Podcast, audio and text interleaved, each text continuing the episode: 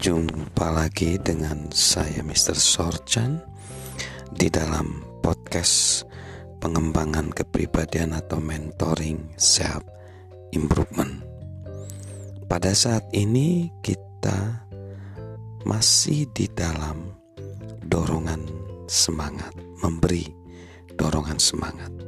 Dan saat ini dorongan semangat mengubah kehidupan.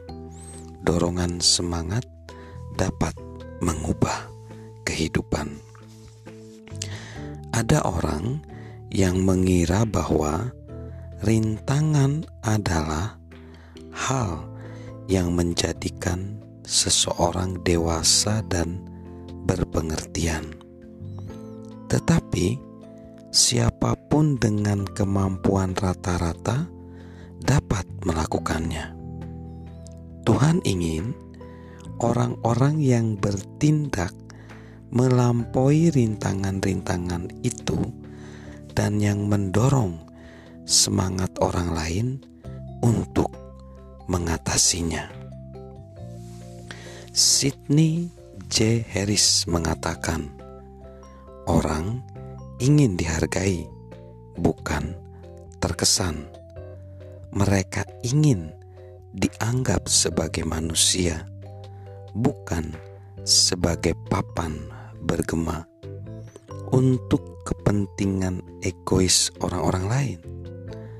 Mereka ingin diperlakukan sebagaimana tujuan dalam diri mereka sendiri, bukan untuk tujuan kepuasan dan keinginan sia-sia orang lain. Nah, mari kita perhatikan ada lima hal yang perlu diketahui seorang pendorong semangat tentang orang lain. Kita memiliki kuasa yang sangat besar untuk mempengaruhi kehidupan orang-orang di sekitar kita. Dorongan semangat dari kita dapat menjadi pembuat perbedaan dalam hari, minggu, atau bahkan kehidupan seseorang yang membawa orang tersebut ke arah yang sepenuhnya baru. Memang sulit untuk mendorong semangat orang lain jika kita tidak mengetahui apa yang bisa mendorong semangat mereka. Jadilah murid dari orang lain pelajarilah apa yang membuat mereka tergugah dan cari tahu apa yang mengangkat semangat mereka.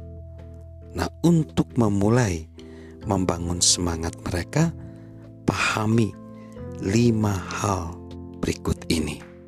Saya akan beritahu lima hal itu di segmen berikutnya.